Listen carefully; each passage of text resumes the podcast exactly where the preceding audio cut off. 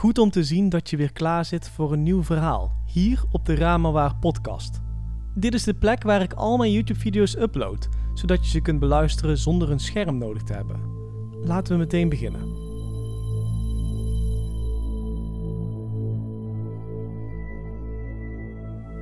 Lees dit alsjeblieft. Weet iemand hoe het 48 spel eindigt? Ik zal je eerlijk bekennen dat ik niet zeker weet dat het spel zo heet. Ik ben het maar zo gaan noemen. De reden waarom zou snel duidelijk worden. Ik denk dat het het makkelijkste is als ik gewoon bij het begin begin. Ik werk als een schrijver en sta er nogal onbekend dat ik dingen vaak uitstel. Er zijn dus genoeg momenten in mijn dag dat ik liever alles doe dan de dingen die ik moet doen. Het 48-spel begon eind vorig jaar ergens. Voor het hele 2020 gebeuren. Het spel kan bedriegelijk zijn. Vaker weet je niet eens dat je aan het spelen bent, voordat het te laat is. En wanneer het te laat is, kan je er niet meer onderuit komen. Zo ging het voor mij ook. Ik zit altijd op hetzelfde bankje in het park.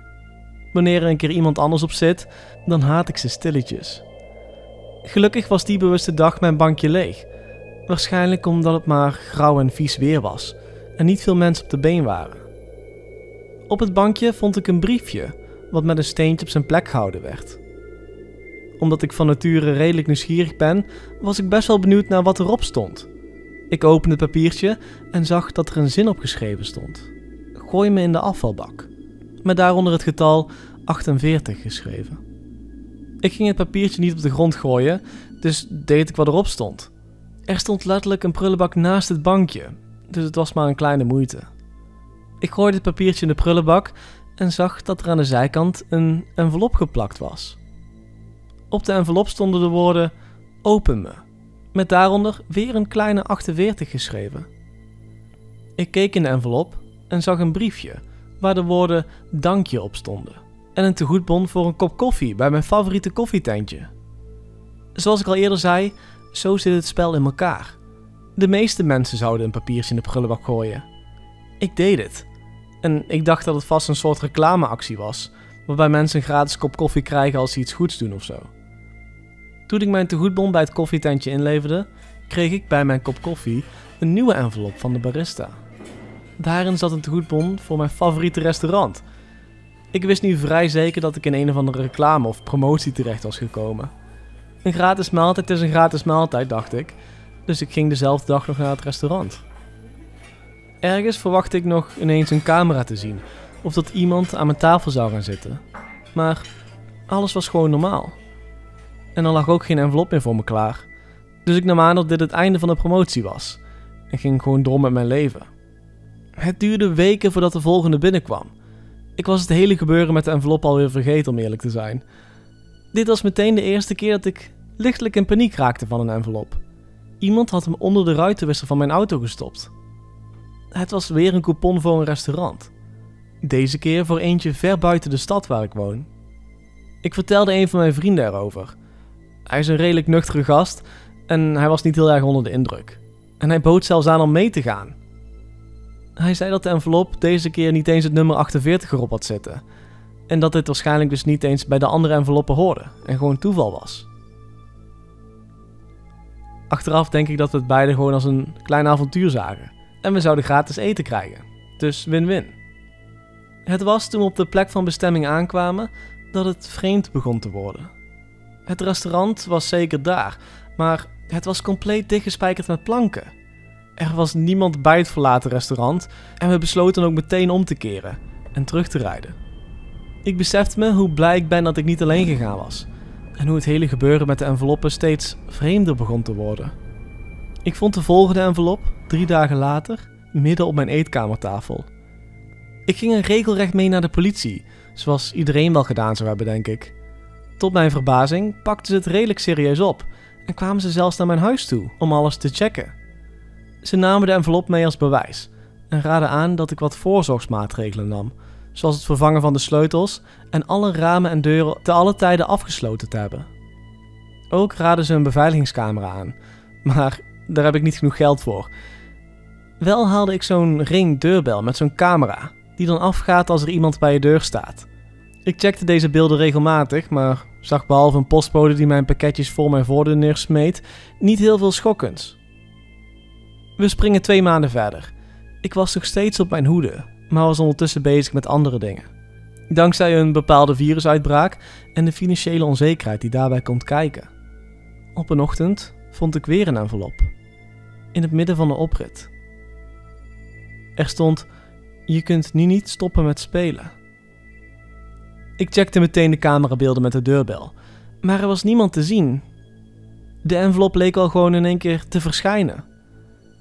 De afgelopen twee dagen was er niemand naar mijn voordeur toegelopen. Ik maakte toen de fout om meteen weer naar de politie te gaan. Zodra ze de beelden zagen, moeten ze gedacht hebben dat ik een grap aan het uithalen was, want hun toon werd meteen een stuk onvriendelijker. Er werd me streng verteld dat ik terug moest komen wanneer ik hard bewijs had dat iemand me lastig viel.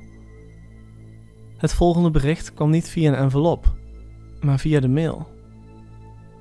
Het kwam van een gast die zichzelf Tom noemde. Hij zei dat hem verteld was contact met mij op te zoeken en mij een locatie door te sturen. Mijn eerste gedachte was dat ik weer naar de politie moest, maar die zouden me waarschijnlijk toch niet serieus nemen. Vooral niet na de laatste keer. Ik zocht het adres op via Google Maps en zag dat het een begraafplaats was. Nooit van mijn leven dat ik daar naartoe ga, dacht ik. Ik heb genoeg series gekeken om te weten hoe dit afloopt. Ik verwijderde de e-mail en spendeerde de rest van de dag om door de deurbelcamera naar buiten te kijken, voor het geval er iemand was. Diezelfde avond was de eerste keer dat er echt vreemde dingen begonnen te gebeuren. Ik werd rond drie uur s'nachts wakker van een nachtmerrie. Terwijl ik wakker werd, wist ik zeker dat er iemand in mijn kamer stond. Ik dacht dat het waarschijnlijk een moordenaar was en was compleet verstijfd van angst. Ik zag het pas toen ik met mijn ogen kneep. Het zat boven op mijn kast, met twee lichtgevende rode ogen. Was het naar me aan het kijken? Nu moet je weten dat ik niet in het paranormale geloof, maar toen ik dat ding zag, wist ik dat het echt was en dat het niet menselijk kon zijn. Het liet een stukje papier op de grond vallen en leek toen op te lossen in de duisternis.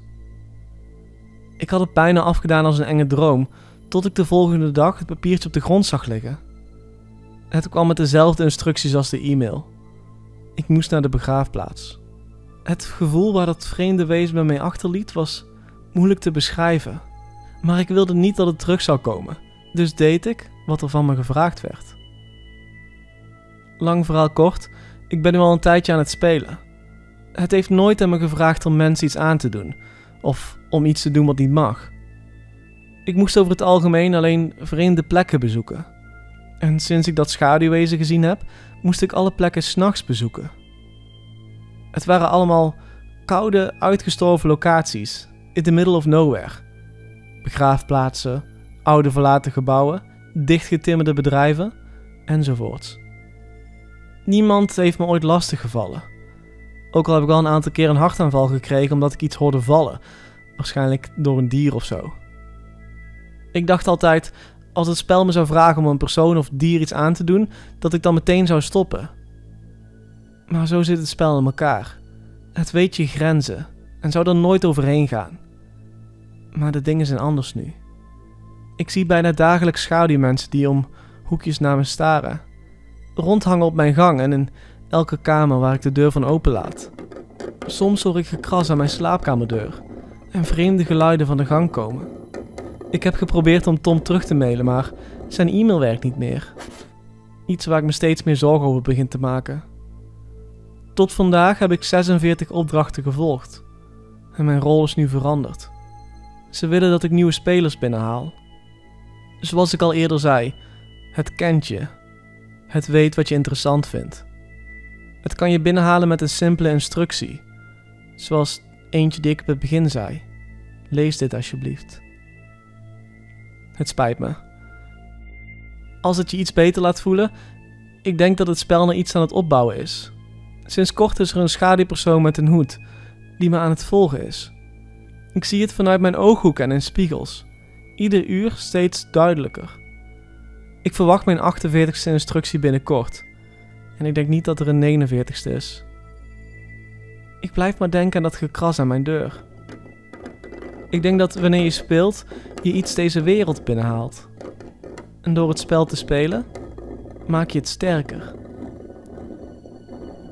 Er zat een opdracht bij mijn laatste envelop. Ik moest je vertellen dat jij nu ook meespeelt, sinds je dit gelezen hebt.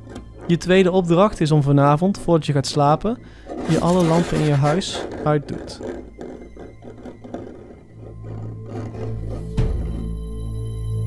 Bedankt voor het luisteren naar deze podcast.